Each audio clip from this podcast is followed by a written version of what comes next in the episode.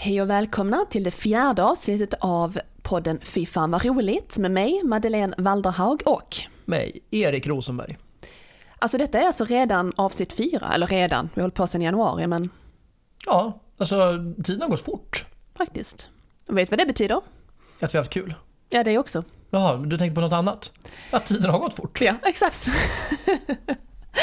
Nej, men för er som dyker in i detta avsnittet och i vår podd för första gången så är detta alltså en nördpodd om humor inom film, serier, tv, scen och radio.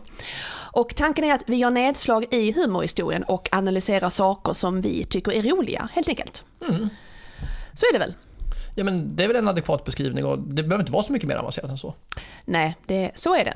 Och vilka är vi då? Eh, jag heter Madeleine Walderhaug och jag, har, eh, jag frilansar inom kultur, så brukar jag sammanfatta det.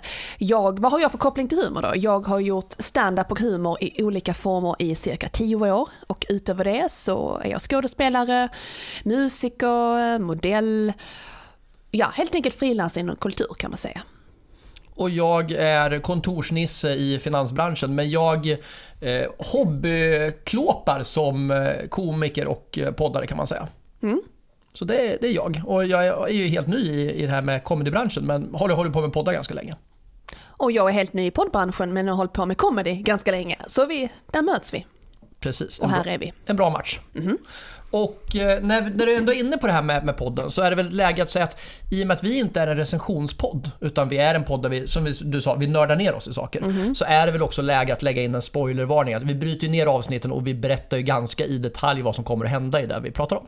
Absolut, så att eh, ja, spoilervarning helt enkelt. Och det tar oss då till dagens ämne eller dagens film, för jo, det är en film. Det är alltså The Wedding Singer. Och eh, vad kan man säga om den? Den, eh, den kom ut 1998 och den utspelar sig i Richfield, USA och året är 1985. Ja, det handlar då om Robbie Hart som är en bröllopssångare som ska gifta sig med sin ungdomskärlek Linda. Och, eh, men på jobbet så träffar då Robbie Julia Sullivan som även hon ska gifta sig med sin egen, sedan länge, fästman Glenn Gulia. Det var ju ett extremt märkligt uttal men. Eh, han är en lite så här Wall Street kille. Eh, och ja, spoilern, Linda lämnar Robbie vid altaret och Glenn är notoriskt otrogen. Och eh, sen handlar helt enkelt filmen om drömmen och längtan efter att gifta sig och komma, återkomma, liksom ta sig upp från hjärtesorg och gå vidare i livet och finna lyckan. Hitta kärleken helt enkelt. Bra sammanfattat Madeleine. Tack, tack. Och eh, det finns ju en ganska bra story om den här filmen och hur, hur den kom till egentligen. Det, det, är ju en av Adam Sandlers tidigare filmer. Och han gav då eh, eh, författaren, eller manusförfattaren eh, Tim Hurley i uppdrag att du skriver en film om en bröllopssångare som lämnades vid altaret. Det var ungefär det, alltså det var hela pitchen som Hurley fick. Och, och Hurley själv sa så här, fan, det här är ju en bra story, men kan vi, kan vi liksom tweaka det här på något sätt?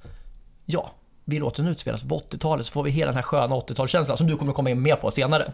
Men det var det som, som Hurley bidrog till. Och sen så hittar de också eh, regissören eh, Coraci. Och Coraci hade i sin tur då en riktigt trasig kärlekshistoria bakom sig som han tog med sig in i filmen. Så egentligen kan man säga att det som var nyckeln till The Wedding Singer var då egentligen Adam Sandlers idé Hurleys fina manus och Corachis kärlekssorg som han då lyckades alltså verkligen förmedla känslan i, i filmen. Och eh, Sandler har sagt i en intervju då att de ville göra en romantisk intervju som var skrattät och eh, det var trevligt för att göra en film som var pro äktenskap, pro kärlek. Citat Sandler själv då. Och ja, det är väl ungefär det. Och, och det ska väl sägas att eh, Hurley själv har ju jobbat med Sandler mycket både före och efter det här och även skrivit för, för Saturday Night Live. Precis som Sandler har spelat i Saturday Night Live. Mm, absolut, så det finns ju många kopplingar till det. Och eh, vad ska man då säga, vad kännetecknar en wedding singer egentligen? Och givetvis så är det 80-talstemat. Den här filmen är ju enligt utsago då tillägnat året 1985 just. Och vad ska man säga, det är liksom gulligt, det är romantiskt, det är väldigt, väldigt mjuk humor. Och förutom det så är det ju eh, musikframträdandena faktiskt. En eh, ganska intressant sak är att det heter ju The Wedding Singer, men i filmen så får man bara se, nu kommer spoilern också, man får bara se att han uppträder på två bröllop och så är det någon bar mitzva. Men eh, det har varit märkligt att kalla en bar mitzva singer. Jag vet att det kanske inte skulle sälja.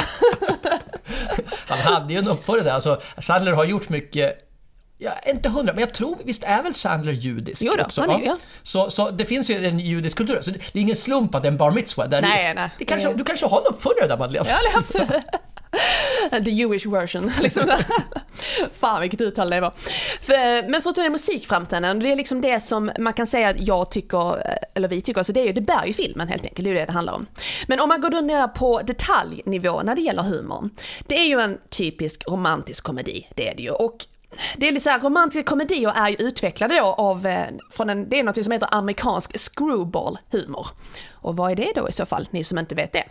Eh, lite mans och women's planning här nu, det ska vara jämställt då. Men det är alltså en humor som var mest populär i USA under ja, 1930-1940-talet då. Och det är ju lite, det är lite flytande då i sin beskrivelse, men bland annat så kan man säga så här att det handlar väl lite, lite så här eh, vad ska man säga, kännetecken att de rika är de dumma och de fattiga är de smarta, det är skilsmässor, det är relationer, det är snabba replikskiften. Eh, kvinnorna är oftast de som har makten i filmerna och då driver handlingen framåt. Vissa. Så det är lite av kännetecknen i screwball-humorn då. Eh, men det är ju som sagt en väldigt mjuk och romantisk komedi. Och, eh, och vi pratade om det här att det var ju en del musikframträdanden då som är i filmen, och därav titeln. Ehm, Och en annan sak som är intressant är att Adam Sandler faktiskt frekvent använder just 80-talsmusik i sina filmer. Eh, Du menar, du menar generellt, alltså inte bara i. Wedding Singer? Nej, i andra filmer också. Coolt. Ja. Eh, och det är ju liksom 80-talsmusiken som är liksom primärt till detta givetvis. Det är liksom låtar som Do you really wanna hurt me, Blue Monday. Ja, White Wedding, eh, 99 luftballons, du som kan språk bättre än mig. 99 luftballons heter de, äh, 99 luftballons Ja, på exakt. engelska beroende på vilken version man har. Exakt ja. Eh, How soon is now, är det The Smiths va? Det kan nog vara, alltså det, det sjuka är ju så här, jag är ju jag är så, så gammal så jag har ju liksom levt 80-talet ordentligt. Ja. Men, men just det där med, med banden kommer jag ihåg. Låtarna sitter ju all, allihop, man känner igen allt. Men Nej, så- jag, jag så- känner till det, jag, jag, jag kom, jag kom ikapp där på slutet på 80-talet så gjorde jag entré liksom. Men, eh, jag missade 85 faktiskt. Och 86 och 87. Men eh, en annan som är intressant sak i filmen som kanske inte alla vet om att i många sådana här musikfilmer så är det ju att de har alltså riktiga så kallade musiker då som Ja, vad ska man säga, dubbar, eller vad ska man säga, dubbar filmen med sång. Alltså de har andra personer som sjunger in det, liksom musiker. Det är precis lip, lipsyncs typ så att säga. Ja men exakt, de tar någon som verkligen kan sjunga då, om inte skådespelaren kan det själva. Men i den här filmen så sjunger alla själva. Det är Buscemi, eh, Lovitz, Sandler, eh, till och med Drew Barrymore sjunger ju lite så här lite kort, men det är liksom alla sjunger själva, jag tycker det är, det är häftigt. Och eh, alltså om man tänker så här, det finns ju många, det har ju släppts soundtrack till exempel. Eh, och eh, det finns två stycken till och med. Men där är det liksom en av låtarna som fastar speciellt. Det är ju en låt som Adam Sandler har gjort och det är ju Grow Old With Me heter den. Och den sjunger han ju för Drew Barrymore eh, på slutet i filmen då. Spoiler! eh, och det är väldigt oskyldig och gullig humor i texten. Eh, så här, så det är väldigt fint. Men jag måste säga alltså, den är ju alltså, fantastisk. Även om det liksom är mycket humor och det är liksom lite så här, lite trams inom citationstecken i texten. Så är det ju en, det är en helt fantastisk kärlekssång. Det är fantastiskt. Jättefint. Man blir, man berörd faktiskt. Mm. Jag håller helt med. Ja. Eh, och John Lovitz då, vi kommer komma in närmare på skådespelarna senare då. Men John Lovitz framträdande är ju också en, om man tänker på humor och musik, här har de blandats väl. Eh, otroligt roligt och väldigt överdriven humor, faktiskt lite over the top humor kan man väl lägga till då, att i hans framträdande, där han är sån typisk sliskig sångare som ska vara sexig men mm, felar rätt rejält sådär. Väldigt, väldigt bra scen och väldigt komisk scen. Eh, där Drew Barrymore, eller Julia Sullivan då, säger den berömda eh, repliken “You just inspired me to hire a DJ”. Sen har vi ju även eh, Alexis Arquette som spelar någon form av Boy George eh, lookalike är där. Och eh, det, eh, det komiska i detta är att eh, han, hen bara framför, kan bara en låt under hela filmen och det är liksom en del av humorn också i det hela att det liksom samma sång på repeat. Hen kan den här låten och då kör vi på den liksom.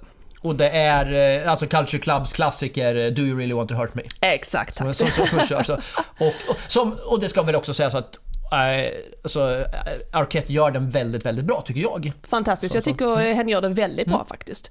Eh, och Adam Sandler är också en väldigt bra sångare. Vad jag vet så har han ju ingen musikutbildning så, utan det var ju så intressant det här vi läste att Eh, det var ju så att han blev ju typ tvingad av sin mamma då som barn, då Adam Sandler, att eh, sjunga bland annat Ringo Stars You're 16 och på McCartneys och John Lennons Yesterday. Alltså de enda låtarna han kunde då eh, på sin systers bröllop när Adam Sandler var typ 11.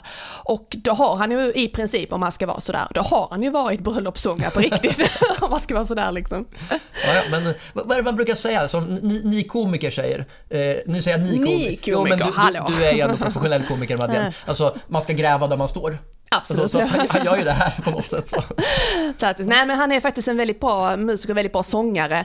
I Saturday Night Live också så har han ju egna fram... Alltså när han var med där så gjorde han ju framträdande där han gjorde liksom Hanukka-låten till exempel. Och det är ju väldigt populärt inslag som han gjort på SNL i många år. Eh, som han är rätt känd för också. Eh, så det kan vi också rekommendera att youtuba lite på. Och eftersom det nu är en 80-talsfilm som vi sa, den utspelar sig 1985 och en hy- alltså, det är ju uttalat en hyll, inte bara att den utspelar sig utan det är en hyllning till 80-talet. Det, alltså, man har ju smockat in referenser. Och just kläderna är ju väldigt, väldigt tydligt. Varje scen så tycker man verkligen man har hittat så här, det perfekta klädvalet. Vi kommer också gå in på lite detaljer i, alltså, när man verkligen har gjort blinkningar också. Men liksom hela Adam Sandler när han kommer in den här typ liksom babyblå kavajen han kör sina framträdanden i. Så att, alltså, jag känner igen, alltså, lite så här, ja, men jag såg ut som en barnversion av det där när man tog, när man tog, tog examen. 1986 gick jag ut sexan. Åh, och då såg jag ut som en dvärgvariant av Adam Sandler. ja, och är någonting som vi som gillar att nörda ner oss, så är det så här, alltså och egentligen så finns det ju ingen poäng utan det är bara att vi tycker, poängen är att vi tycker det är roligt att hitta kopplingarna till våra gamla avsnitt. Och här var det ganska enkelt. Alltså det här är ju du som älskar SNL. Vi har kopplingen till SNL, vi har kopplingen till, och då får vi kopplingen till Blues Brothers framförallt då. För att, eh, precis som i Blues Brothers, Adam Sandler är en gammal SNL-skådis och de andra, alltså även Hurley som skrev manuset där är SNL-are. Och dessutom så, precis som du sa, Adam Sandler sjunger sina låtar själv, precis som de gör i Blues Brothers. Alltså, de kan sjunga, Adam Sandler kan sjunga väldigt, väldigt tydligt också. Så, så att jag tycker alltså, det, det finns en väldigt solklar koppling där. Och eh, du, du lovade lyssnarna att vi skulle gå in på skådisarna också, så, så take it away Madeleine. Ja, tack för påminnelsen Erik. Eh, om, men eh, då ska vi se, det är ju såklart Adam Sandler. Han spelar ju Robbie Hart då och eh, Adam Sandler, behöver han en presentation? Okej. Eh, Saturday Night Live, Happy Madison-bolaget äger han som har ju producerat filmer som eh, eh, Nicky, Eh, Ja, men han, han gjorde även, vi såg ju den här Ro- Rob Schneider-grejer har han gjort väldigt mycket av, bland annat, och sen alla sina egna saker. Men vad såg vi med, med Rob Schneider här om för, för några veckor sedan? oh, Klick har han gjort ju, också en väldigt bra film. Ja. Billy Madison, eh, bland annat. Han har, det, är ju, det är ju hur många filmer som helst han har gjort, eh, Adam Sandler. Eh, han har gjort väldigt många andra filmer med Drew Barrymore då, som spelar Julia Sullivan. Och Drew Barrymore, Ja, Drew Barrymore är ju, alltså hennes debut är ju helt briljant. Alltså, hon debuterade som barnskådis i E.T. Sen så gjorde hon någon sorts comeback i Scream och så den här Never Been Kissed också. Så hon var, alltså jag skulle säga att hon var en av världens största skådespelare ett tag. Sen nu har det väl liksom gått lite upp och ner, men hon är ju en ikon, det, det vill jag påstå. mm, och hon, är faktiskt intressant också det att hon kommer ju från en skådespelarfamilj. Hon har ju liksom från sin fars sida och farfars sida liksom längre bak så är det många Barrymores där. Eh, bland annat och även mamman har väl gjort någonting inom film. Så hon kommer ju från en skådespelarfamilj för er som kanske inte hade koll på det.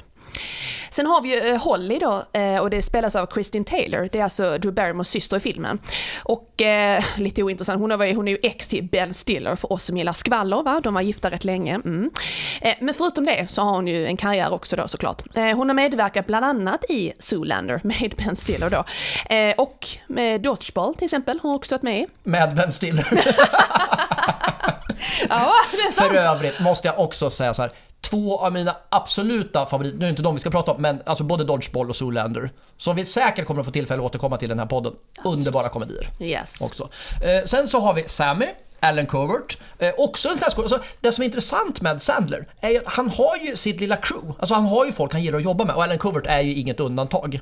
De har jag grejat ihop alltså, i 14 filmer. Det är galet Wow. mycket. Eh, Little Nicky, Jack and Jill med mera. Så sen har vi då, du var inne på det, Alexis Arquette också. Som är en transgender person, eller var. Eh, hen gick bort eh, 2016 tror jag Ja, det var. Eh, och, och är en av, alltså efternamnet ringer ju rätt bekant alltså Patricia Ro- Rosanna Arquette, David Arquette också som är, Ja. som är känd bland annat från, från Scream-filmen också. Eh, som, vi, som vi nämnde då. Och Arquette eh, gick bort tragiskt i, i sviterna av HIV tror jag, 11 september 2016. Och någonting som var otroligt, otroligt fint där var att den riktiga Boy George från Culture Club då eh, dedikerade alltså den låten Do You Really Want To Hurt Me i en, eh, alltså i en av sina konserter till Alexis Arquette och Arquette-familjen som liksom en hyllning för det här som han har gjort. För att han, det, det sades att han, liksom, han var så otroligt stolt över Arquettes tolkningar av, alltså hans lookalike i filmen. Så jag tycker det var väldigt snyggt. Där. Ja, för övrigt där, vi pratade om kläderna innan men så Alexis Arquettes, alltså hennes kläder och stil är den alltså fantastisk i filmen. Ja, jag måste säga det, det är fantastiskt liksom. Magiskt bra. Ja, och eh, sen har vi då eh, Matthew Glave som spelar Glenn Guglia. Jag kommer aldrig lära mig det där. Guglia, Guglia, whatever. Eh, och det är så intressant för att eh, rollen då var egentligen, alltså den skrevs ju faktiskt i åtanke att ge till Jim Carrey. Eh, Så det är lite intressant. Jag har ingen aning varför Jim Carrey tackade nej och det är ingen historia vi lyckats snoka fram än. En annan intressant sak är att, ja, jag är ju ett, nu pratar vi om favoritfilmer, men jag älskar ju Back to the Future, Tillbaka till framtiden, bästa filmerna någonsin. Side story, men eh, bilen då som Glenn kör i filmen är faktiskt en, en DeLorean. Och det är ju samma bil de har såklart i Tillbaka till framtiden, så jag tyckte det var lite intressant. Och det är ju typisk blinkning till 80-talet också. Och till och med till 85 dessutom. Exakt. Det kom, så det är ju så väldigt snyggt. 1985.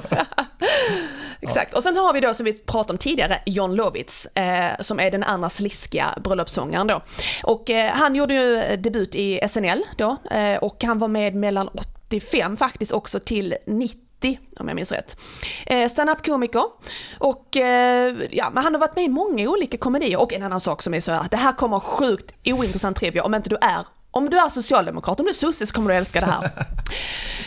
Han är född samma dag och år som vår Stefan Löfven. Det är alltså avdelning onödig fakta, men Jag kan Jag tycka vet- att det finns nödvändighet är ditt liv förändrat nu för du fick reda på detta? Alltså, jag är inte sosse, vi ska inte gå djupare in på mina politiska här- härrörigheter, men jag tycker att det är bra fakta. Ja, alltså, jag, tack, det- tack. Det, det är spännande, det är intressant. Ah, Det får tanken att tänka, undra om Stefan hade varit, Stefan, vi känner inte honom, men om Stefan hade varit, han är Stefan Måns nu, och hur han hade varit som komiker. Det är lite humor med det. Mm. Det får bli Patreon-materialet där, när vi pratar politik och humor. Ja. Får jag slänga ut en sak till våra lyssnare här? Ja, om ni har en tanke om så här, vem skulle, vilken politiker skulle göra sig bäst som stand-up-komiker, så dra ut en, en kommentar i något av våra, alltså i våra kommentarsfält. Mm. Det skulle vara intressant att höra. Och om inte ni skriver det så kommer vi med våra extremt märkliga förslag. Sen har vi ju faktiskt en, eh, osäker men är så jättekänd i Sverige just, men Kevin Nealon är ju en skådespelare som gjort väldigt många filmer. Han spelar bankman då, och han har faktiskt varit med i andra filmer med Adam Sandler, men han är också med, en, varit med i stallet av SNL-komiker. Och eh, han, de bara slängde in honom liksom där som en liten roll som en bankman. Så det är kanske inte något, men det är en liten detalj att tänka på.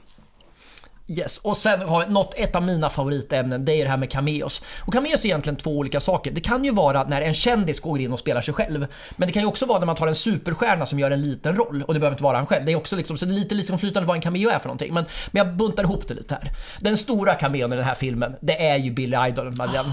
Ja, Och det sjuka var, jag kommer ihåg när jag såg den här. Alltså han kändes liksom så här, alltså lite gammal redan då. Och så kollar man på honom nu så här, men för fan, han har ju sett likadan ut jämt. Åldras mannen inte någonting så. så. Så han är med som sig själv. Sen har vi Steve Buscemi. Alltså det är egentligen, förutom då som du nämnde Drew Barrymore och Sandler, så är ju Buscemi den enda stora, alltså riktigt stora skådisen i filmen. Och han gör en jätteliten roll. Och han är ju inte ens med i, eh, han var ju uncredited också enligt IMDB. Även John Lovitz är också uncredited, vilket är märkligt, men jag vet inte varför. Alltså jättekonstigt. Och det, det kommer vi också komma tillbaka Det är ganska mycket folk som har varit med i den här filmen och medverkat på olika sätt. Som är uncredited. Och jag vet inte om det är liksom en poäng liksom att, att man har gjort en grej av det. Eller om man, Ja.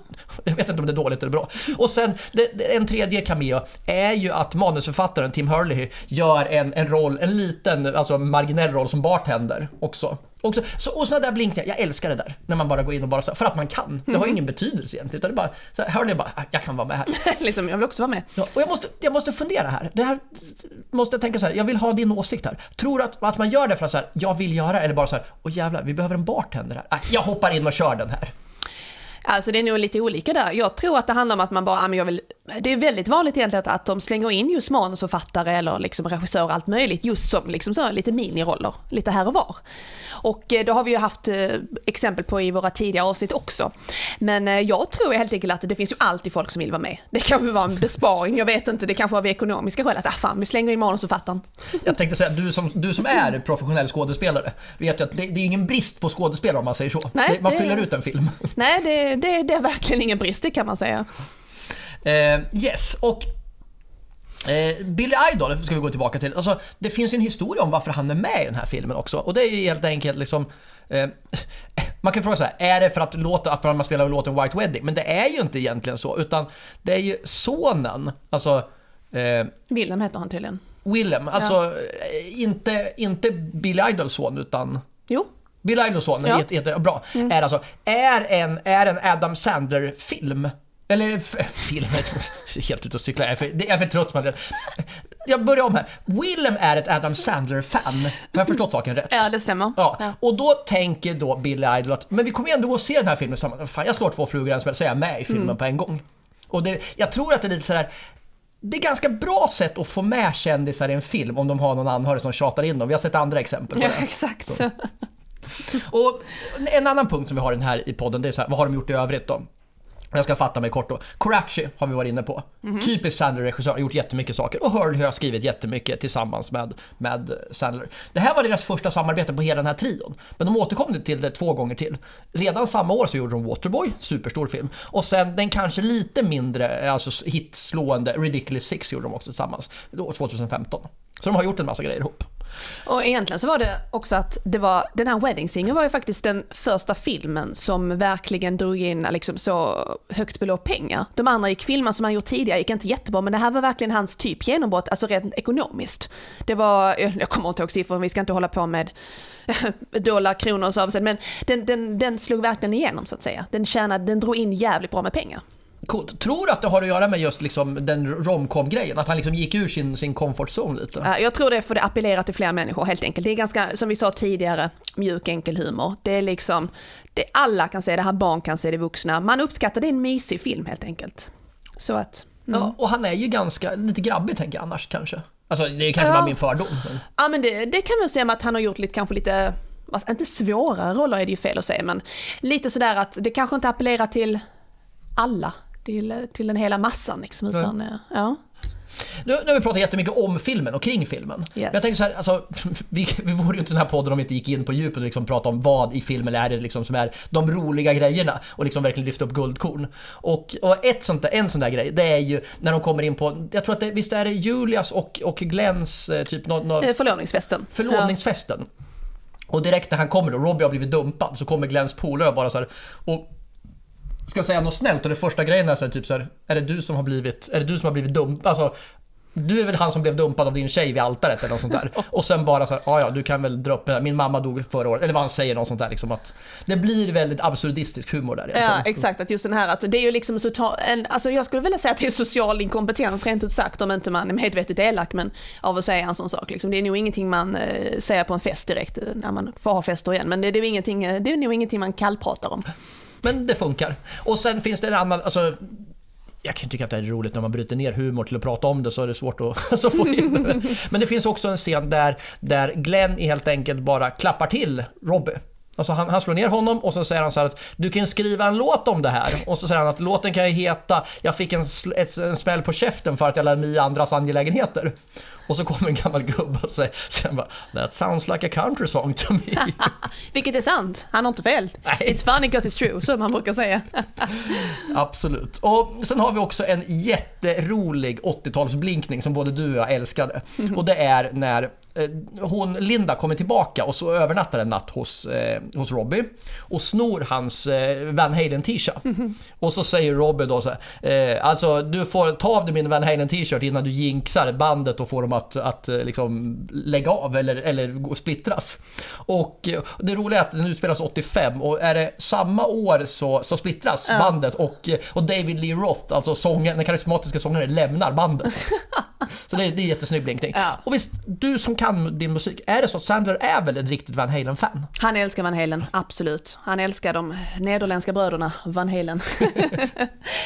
Eh, en annan intressant sak i filmen, eller intressant, en väldigt rolig grej, det är ju att eh, en av de mest kända eh, scenerna, det är ju när eh, Robbie Harts granne då, eh, spelad av en, en kvinna som heter Ellen, eller hette Ellen Albertini Dow, en liten, liten kvinna, äldre dam, 84 år, som eh, Robbie ger sånglektioner till då, för hon ska sjunga på, då på hennes och makens 50-åriga bröllopsdagsfest. Och det är, alltså hon rappar ju en låt av Rappers Delight, och, eh, eller låten heter Rappers Delight, men det är alltså hon själv som rappar. På tal om att alla gör sina sångprestationer själva i filmen, hon rappar alltså själv. Och eh, den här kärringen, kärringen, ursäkta mig, damen, herregud, ja det var ju ursäkta mig, det var ju, det var hemskt. Ja hon hör inte oss. Eh, hon blev 101 år. Det är ju sjukt ju. Alltså hon blev 101 år, det är ju ändå nice. Eh, men hon var ju även med i, hon har även gjort en roll i Pantotanto, väldigt liten, men hon har varit med. Eh, men det intressanta här är att hon, när hon liksom blev tillfrågad att rappa i filmen, så visste hon inte ens vad rap var för någonting. Men när hon då hade rappat och det gick ändå, jag vet inte, jag vet inte, det är väl bra antagligen. Men hon, eh, hon tyckte det här var så roligt att hon ville ju spela in en rapskiva för barn. Okej? Eh, och hon har faktiskt gjort en rappat i någon reklamfilm också i USA, har jag hört också. Men en annan intressant sak också som jag, eller som vi tyckte var väldigt roligt, att det är ju en scen att eh, när Robbie ger sånglektionerna så, eh, och eh, de, pratar om bröllopsnatten då till Robbie som, han, som då ska ske. Och då säger hon det här, det här liksom overflow information, eller så här att I had intercourse eight times, säger hon till, till Robbie Hart. Med och säga att, ja det kanske inte låter så, det är inte så högt antal, men i dagens standard hade det varit intercourse med 200 män. Och hon har inte fel. Det är jätteroligt It's funny att, because it's true, som vi säger. att hon har, hon har någon sorts här valutaväxlingskurs där för det där. 8 lika med 200 och så vidare och så vidare. Men det är ju sån här, eh, där, alltså humorn där är ju såklart att det är ju så oväntat att en äldre dam ska berätta om sitt sexliv liksom. Får man säga sex? Det får man. Eh, om sitt sexliv sådär. Alltså det är ju information man kanske inte ville ha, helt enkelt. Ändå gulligt tycker jag att de har, liksom, som du, du var inne på det här med den oskyldiga humorn. Mm. Man får in liksom rätt, alltså en del sexskämt men det är ändå väldigt oskyldigt. Ja men absolut, de hade kunnat gå in på detaljer men det är ju som sagt Patreon-avsnitt då. Eh, en annan sak som eh, Sandler jobbat med i filmen eh, det är ju att de har en del visuell humor.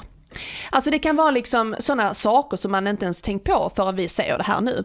Eh, det finns en scen där de ska åka till Vegas och stoppa Julia och Glenns bröllop, spoiler. Och eh, personen då som han köper biljetten av har en extremt intressant frisyr och eh, otroligt märklig sak egentligen. Den här personen frågar liksom eh, gänget där som ska flyga iväg att gillar ni gruppen Flock of Seagulls? Och det är, en sån här, det är klart att det är en sån där märklig sak och den här personen som spelar den här incheckningsmannen, han har, inte, han har ingenting med gruppen att göra. Så det måste vara en sak att ah, vi måste berätta om flock, vi måste berätta om en, grupp av fiskmåsar liksom. Jag har ingenting emot att jag älskar fiskmåsar men det är liksom bara så. Och frisyrer ser ut som en fiskmås höll jag på att säga, men det är ju frisyren de hade liksom i bandet. Ja, det, det är en sån här liten blinkning men det är väldigt roligt liksom. Alltså jag undrar, så, som, jag är så nyfiken, jag hade velat veta så här, hur de liksom kom på så här, hur man ska få in skämtet. Var började det där skämtet skrivas någonstans? Ja men det är lite intressant, alltså, eller det var bara någon som sa shit vi måste prata om fiskmåsar och så bara så, det är liksom, vi slänger in det. Nej jag vet inte, det är det är intressant men eh, det kanske någon av lyssnarna kan eh, tänka på, jag har ingen aning. Eh, men just det här visuella, att liksom frisyren är nyckeln där. Och sen är det liksom sådana här subtila saker som, ja det här, Billy Idols leende, den där liksom lite där kåta leendet. eh, när en dam eh, på flygplanet frågar liksom, liksom, vad är 10 000 metersklubben? Och det är också sån här visuell grej att det är klart att ser man inte leendet så är det ju bara sådär, okej det är en fråga. Men just hans leende där, håller du inte med om att det var lite K- intressant? kåt var det ordet du använde. Ja. ja. Alltså för ett Patreon sen så kan ni få ett kåt leende. Ni ska alltså lyssna på ett kåtleende, ja, ja intressant hur det där ska se ut alltså. Eh, men alltså det är så intressant, eh, man ska säga så här att, alltså själva liksom, okej, okay, klimaxscenen. Det är ju liksom när de är på flygplanet eh, och det är så här att Adam Sandler, eller ja, Robbie Hart får åka första klass och då är det att man får en varm handduk på flyget. Och vilka minnen det väcker. Men där är det liksom en liten humor i att Eh, han är ju inte van att åka första klass helt enkelt och det syns ju i sättet att han liksom tänker oj är detta gratis, oj är detta, oh varm handduk, vad gör man? Och han har liksom en haklapp eller någonting. Och det, det är liksom att han är ju en väldigt rollen där fram till att han är väldigt ödmjuk och väldigt, han, alltså han är inte van vid lyxen. Eh, och, eh, det, är inte- och det, det är liksom det det, det väcker vilka minnen det väcker med varma handdukar på flyg. Har du fått det någon gång? Mm, ja, några vändor. Jag har åkt någon gång sett till Emirates, du vet, mellan Cypern och Malta. Mm. Korta vändor och man bara önskar sig, fan vad det här var liksom längre. Och det är ju nog visst man får den där varma handduken. Alltså jag, jag eh, det där var ju lite pinsamt för det hände liksom, det har hänt några gånger när jag åkt också att jag har fått den här varma handduken, första gången jag fick det, det var ju liksom att jag tog emot den och så tittade jag på den och sen la jag ner den i väskan. Och så först tog jag en selfie med den och sen la jag ner den för att visa att titta, jag har pengar att åka första klass och det var länge sedan ska jag säga. Och till mina föräldrars förtvivlan. Ehm, Tror inte du var först med att ta en selfie i första klass, om man säger så. nej men med en handduk, man kanske ska tänka sig med något lyxigare än en vit blöt varm handduk. Och sen kan man ju inte ta det i ansiktet heller för man har smink. Och jag visste inte vad det var till för så jag sket i det. Men jag, tog, jag fick handduken, förlåt SAS. Eh, jag vet inte, ni, ni gick nog till konkurs av det att jag tog handduken. Men nu derailar vi extremt. Men poängen i detta var att den här varma handduken eh, i kombination med Robbie Hart är ju ett tecken på hur ödmjuk han är. Att han inte vet det. Och jag tycker det är gullig scen helt enkelt. Jag håller med. Och det, där, det är så intressant att du tar upp det här med ödmjukheten. För det är ju verkligen så att han har ju, alltså det är ju vissa roller när han liksom tappar det, då kan man säga så här. Och det mest klassiska är precis efter att han har blivit lämnad vid altaret. Han gör ju, för du sa att det, det är två bröllop. Det andra bröllopet han kommer in på då, så är han ju helt miserabel. Han står och sjunger, han är så usel på scenen. Och sen tar han micken, ska han hålla tal till brudparet. Och det är ju ett, det är ett riktigt vraktal han håller. Han är ju genuint osympatisk, han skäller ut alla och bara så här och skriker liksom så här. När, när pappa säger det är inte det här, alltså brudens pappa. Det är inte det här jag betalar för. Bara, Synd att det är jag som har micken och inte du gubbjävel. Det är ungefär det han säger Ja. liksom. Och sen så börjar han ju spåra ur och det slutar med att han slåss med, med, med brudens pappa och så. Och polisen kommer och, Ex- ballar ur. Ja, det ballar ur. Det slutar med att han blir dumpad i en soptunna. Men det intressanta är det här du säger, ödmjukheten. För jag tycker verkligen att är det någonting som Adam Sandler lyckas göra i den här filmen, eller om det är Hurley och, och alltså de har väl gjort det här tillsammans, Coraci, så är det att han framstår ju som en riktigt good guy genom hela, även när han inte är sympatisk, så är liksom, man, man har ju medkänsla för honom hela tiden. Jag tycker det är väldigt, väldigt fint gjort. Och den scenen är ju väldigt rolig också. Sen är det en sak som jag verkligen älskar med den här filmen. Vi var inne på det här med uncredited, alltså personer som inte har fått cred för det. Eller kanske valt inte, det kan ju vara så att de inte vill det också. Så eh, tog eh, Hurley, eller om det var Coraci, tog in hjälp, i manusförfattarhjälp. Och det är inte helt vanligt att man gör det, någon som kallas för script doctors, för att liksom hotta upp manuset. Och det var inte vem som helst, det var Först var det Sandler själv som gick in och skrev, okrediterat. Sen var det Judd Apatow som du kan mycket mer än mig om. Men vem är Judd Apatow egentligen? Eh, han har ju eh, producerat och gjort massor av filmer, eh, till exempel The 40 year old virgin eh, med Steve Carell och han har gjort serien Nollor och nördar som gick på kanal 5 för tusen år sedan. Just det. Fantastiskt rolig serie, jag tycker kanal 5 borde ta upp den igen. Men han är ju väldigt, väldigt känd i eh, alltså Hollywood, eh, där att göra väldigt roliga filmer och han är, han är ju liksom en frontfigur kan man säga för den genren. Mm. Och inte minst, det är kanske det viktigaste. Eh, det viktigaste är, alltså av de här, det är ju Carrie Fisher. Och på tal om att vi var inne på du vet, saker, kopplingar till gamla grejer. Carrie Fisher spelade ju i Blues Brothers. Ja. Men hennes absolut stora roll är ju såklart prinsessan Leia i Stjärnornas krig-serien. Ja. Och det som, alltså, det som många, de flesta inte känner till är att hon är en professionell script doctor. Alltså efter att hon har skådespelarkarriären. Så hon framförallt, nu har hon gått bort så rest in peace. Så, men hon var verkligen alltså, en person man kallade in för att, för att tvätta scripts.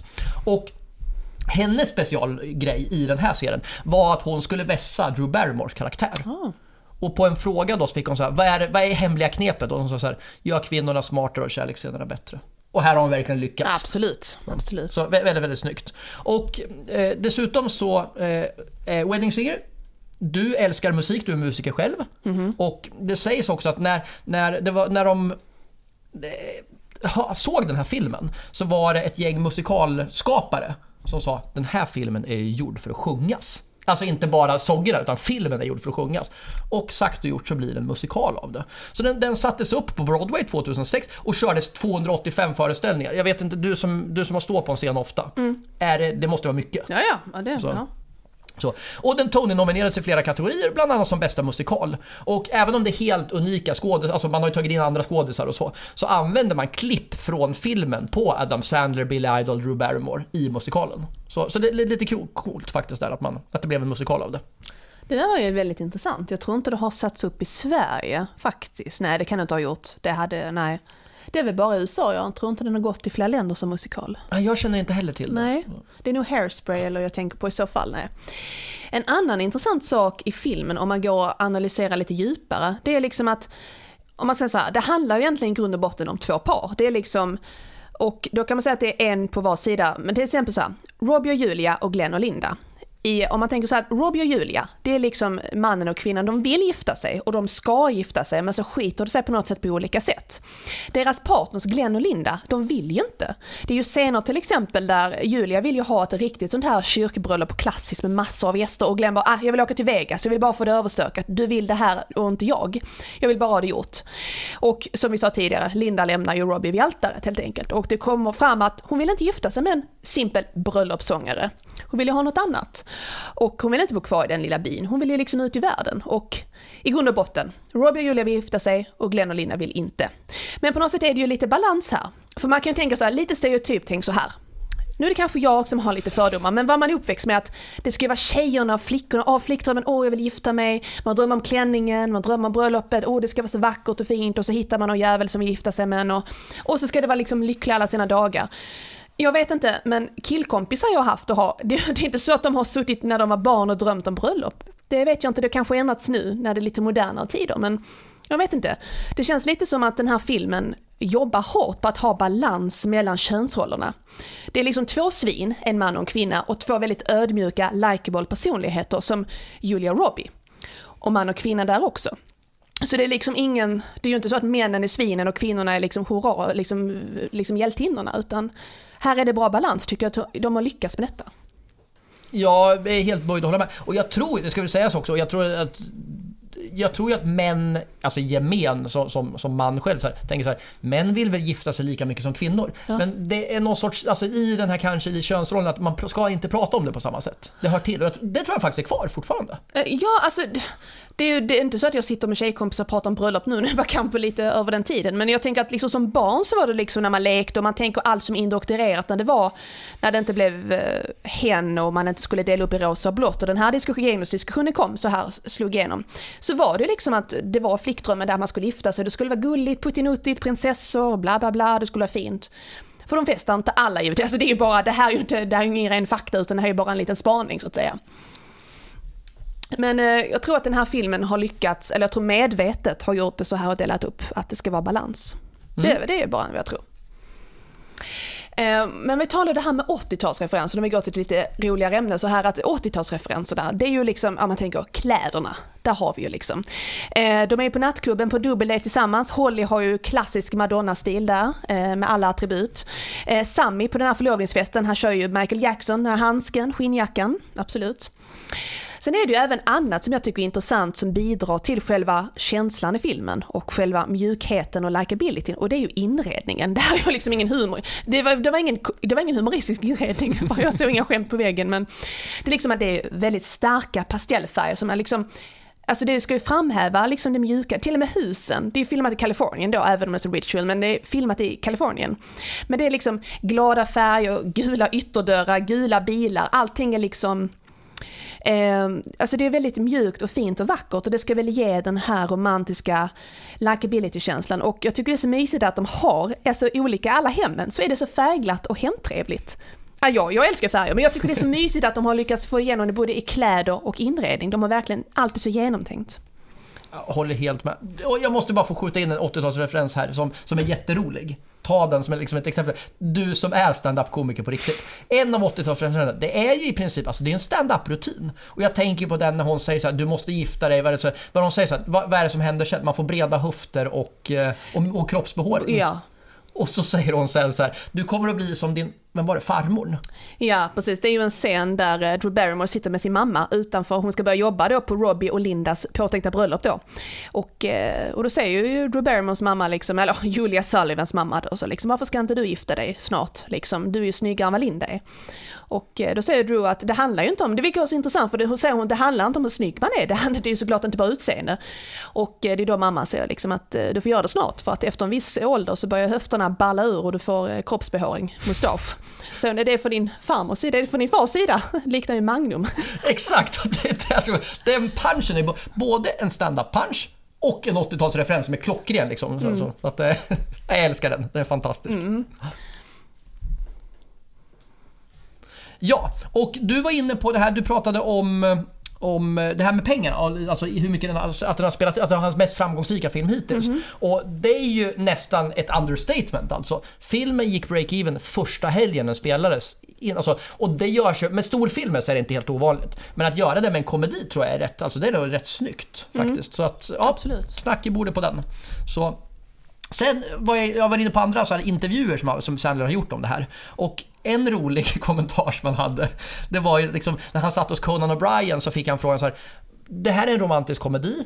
Varför innehåller den ingen sexscen? Det är ändå rätt ovanligt. Det behöver inte vara så explicit. Det behöver liksom inte vara, man behöver inte ha liksom några porrscener. Men, men liksom, de, de, alltså, oftast brukar det ändå implicera sex någonstans.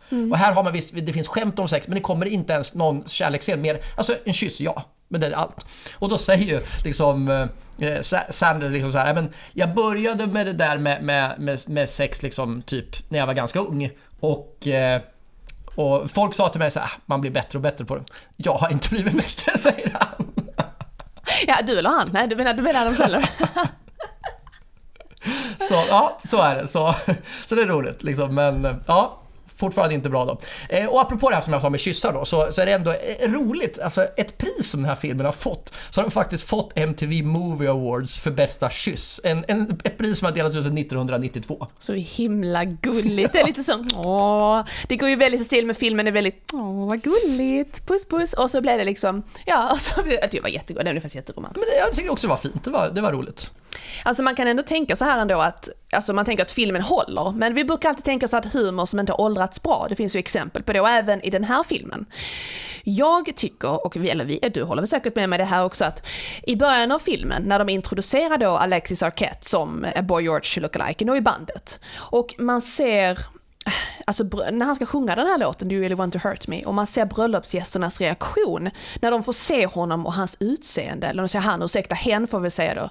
Eh, och då tycker jag att jag tycker den reaktionen är inte rimlig. Det är alltså någon form av äcklande känsla i eh, av bröllopsgästerna. Det är ju det är absolut ingenting, hoppas jag, som hade gjorts eh, seriöst idag. Utan min förhoppning är såklart att det är någon sorts att, ungefär som när vi pratar med Borat-filmen, att de tar upp någonting som är Eh, vad ska man säga, det är inte, det är inte okej. Det är liksom en åsikt att man ska kunna acceptera människor som eh, de vill vara och den där reaktionen, att om man nu har den reaktionen så kan man väl hålla inne med den helt enkelt. Låt liksom. Och sen ska det tilläggas då när man tänker på att, eh, om man ska säga han, hon eller hen, om Alexis Arquette. Intressant, nu ska vi se om vi får det här rätt, för vi tittar upp det här. Eh, Alexis Arquette är född som man. Och ja, vi antar kön just nu. Han är född som man, ville bli kvinna och blev typ kvinna halvt. Sen ångrade hen sig och ville tillbaka till att vara man igen. Så det slutade, jag tror det var David Arquette som uttalade sig och sa att de, de, de sa helt enkelt att han inte hade någon, något kön helt enkelt, utan han var liksom flytande i sin, i sin, eh, vad ska man säga, tillhörighet. Inte gender specific helt enkelt. Precis, alltså, någon, alltså lite sådär att man liksom inte definierar. Så när vi ser, måste jag säga att när vi ser han, hon, hen här, det är ju för att eftersom vi har läst detta och inte riktigt vet vad Ar- Arquette själv skulle vilja bli kallad så kastar vi om alla, vad heter det, pronomen? Ja det heter det, jag kan inte svenska längre. Så kastar vi om pronomen bara så att ifall någon skulle reagera på detta. Men hen är väl ett bra uttryck i detta sammanhanget då. Absolut. Ja, vad man än tycker om ordet allmänt, men vi säger så. Mm. Ja, men, ja, jättebra, bra Mm. sammanfattat. Så. Ja. Men jag tycker inte att det var okej att de skrattar åt det. Alltså jag tycker det, det känns lite, det känns väldigt förlegat. Jag tror att hade det gjorts idag så hade det varit liksom, det hade ju regnat anmälningar tror jag. Absolut, och man hade inte gjort en grej av det. Och det, och det gör ju det hela ännu mer unket egentligen det här att i den, alltså när de har gjort hela den där skämtsekvensen som du pratar om så kommer liksom en replik från Steve Buscemi där han säger så här Henne gillar jag. Och så ska man skratta åt att han inte förstår att George är en transperson. Och det blir ännu mer unket kan jag tycka liksom att det är skämtet. Och jag, jag håller med dig, det, det, det känns inte okej någonstans. Nej. Eh, och sen är det ju lite så här att eh, Alltså Julia Sullivan ska gifta sig med Glenn. Och vad heter Glenn i efternamn? Gulia, som jag har haft nu eh, 40 minuter problem att uttala. Men då hade hennes namn alltså blivit Julia Gulia. Alltså det är klart att det är lite halvt roligt, men det är ju liksom ingen sån här stormstjärna, bara fy fan vad roligt, yes vad roligt. Osäker om att det är så ganska, det är klart att det beror på vad man har för typ av humor, men det är liksom man bara så, ja det var ju intressant, det är ett fult namn men det är ju det. Ändå roligt att dra ett sånt, alltså ett sånt tramsskämt så långt. Men det är väl lite Adam Sandler också hans stil, att han tramsar en hel del. Jag älskar ju tramshumor så, men eh, det är väl lite Sandler. Ja, men, jo, men det, kan- det kan jag Ja. tycka. Och det är väl egentligen det som någonstans känns det så att han kanske, han har ju hållit sig borta från tramshumorn i den här filmen. Och så någonstans var han tvungen, "Ah, jag måste få, jag måste få spela loss någonstans här. Men man kan säga så här att den här filmen, alltså det är ju, jag vet inte, vi ska ju inte recensera filmen, men jag, jag gillar den här filmen just för att den är så himla mjuk. Lite tråkigt att det inte är några sexscener va? Men det får man själv hitta på då. Men jag tycker att den är mjuk och rolig och jag gillar ju såklart musiken. Jag tycker det är, jag tycker det är en fin historia. Och just sista scenen, ehm, att det liksom slutar lyckligt, det här med flygplans, eh, då att de gifter sig och sånt. Ja, spoiler. Jag tycker det är fint. Jag tycker det är jättegulligt. Jag gillar den här filmen, jag kan se den hur många gånger som helst. Man kan replikerna, man kan allt, men jag tycker den är jättefin. Jag håller med. Och jag, alltså, den, den, den är högst, högst sevärd och alltså ett fint hantverk om man ska vara lite klyschig sådär. Jag måste få backa bandet ett steg här. Okej, För det är en ja. sak som jag tycker är väldigt rolig som vi inte har tagit upp. Och som i det här med podden vet vi pratar om så här, kopplingar till andra grejer. Om jag säger så här, musiker och dåliga skådespelare, vad tänker jag på? Ja, men det är Blues Brothers. Ja. Ja, Eric Clapton. Ah, herregud människa. Ja. Mm. Och i den här filmen har vi Billy Idol. Alltså, det är jätteroligt att Billy Idol är med, men om de, som de säger i USA, don't quit your day job. Alltså, han är ingen skådis. Nej, lyckligtvis är han ju duktig musiker så vi får, han får väl leva på det såklart men det är ändå roligt att han är med. Alltså det hade ju inte, jag vet att det är ju roligt att han är så kass. Det är Ja. ungefär som Eric Clapton när han var skitkass i Blues Brothers. Sorry Eric, han har ju inte detta ändå. Fan. Men eh, nej, han är kass faktiskt. Men det är roligt. Jag håller med. Det är kul. Du Madeleine, vi ska runda av, men i vanlig ordning så ska vi väl också berätta vad, om man vill fortsätta följa podden, eh, när man vill fortsätta följa podden, hur man får del och vad vi gör i övrigt. Så Yes, som social, social, jag kan inte prata, social media eh, manager slash diktator. Nej, men eh, som han och sociala medier, vad ska man, är det väl? det får man säga. Nu är det så. Alltså, håll inte igen, du är podd, poddens marknadschef. Okej, så är det. Eh, vi kan hitta oss på Insta. Där heter vi Fy fan vad roligt, oh, chocken. Vi har även privata konton, ni är ju välkomna att följa oss där också. Eh, och eh, sen har vi Twitter, under våra privata namn kan ni också följa oss för en del skit. Sen har vi Facebook-sida, fy fan vad roligt. Där kan ni också följa oss. Och sen har vi ju Clubhouse, som än så länge är ju exklusivt för eh, människor med en iPhone i handen. Eh, men det är liksom, eh, Clubhouse brukar vi ha, det kan du berätta om. Ja, men vi, vi brukar eh, en till två gånger i veckan, lite beroende på vad, vad vi har att fylla ut med och vad vi känner för. Lite så. Men, men eh, någon gång i veckan i alla fall så har vi en, en sammankomst på, på Clubhouse som du bjuder in till. Som egentligen är ett en till två timmars diskussion om antingen om det senaste avsnittet eller om ett podd, eh, något humorämne. Eller så bara spånar vi fritt där, där de som besöker oss får komma in och prata. Ja, men eh, vad, vad kallar du sammankomst? Förlåt, Är det 1800-tal? jag är gammal. ja, men ett, ett, diskussion, ett diskussionsforum med ljud. yes, det ska vet inte vad. Diskussionsgrupp kan man väl säga, där vi pratar skit och podden och allt möjligt sådär. Och där är ni ju varmt välkomna. Och om det är så här att ni vill ha Clubhouse men inte har tillgång till det så sitter vi på ett antal invite som man måste ha. Man måste alltså bli inbjuden. Och i vanlig ordning vill vi veta allt om dig om du vill ha en, en invite. Mest mobilnummer, men du kan berätta annat om dig själv också. Precis, ju, ju, ju mer man berättar desto större chans att man får svar. Precis, berätta något privat om dig plus ditt mobilnummer så får du några bilder och en invite. Och sist men inte minst, så eh, när ni har lyssnat på podden, om ni inte redan gör det, så gå in antingen på Spotify eller på någon av era podcastappar och prenumerera på podcasten så att ni inte missar något avsnitt. Och ge oss jättegärna ett betyg och en recension så blir vi jätteglada. Alltså det är ju helst att, eh, kan säga så här, det hade varit roligt om ni gav oss en bra recension och höga poäng. Annars, så- kritiken kan ni skicka DM till oss, men eh, Exakt, ge oss en bra recension, annars får det vara. jättegärna. Tack snälla, det här har varit jätteschysst faktiskt. Ja, tack. Det är lite desperat va? Nej, Nej, nej, nej. Men, ibland så måste man ha det så. Men vi skulle verkligen uppskatta det jättegärna. Så är det. Ja. Och med det sagt Madeleine, så är det väl egentligen bara dags att runda av det här. Absolut, och eh, tack snälla för att ni har lyssnat och eh, se filmen, eller se filmen igen.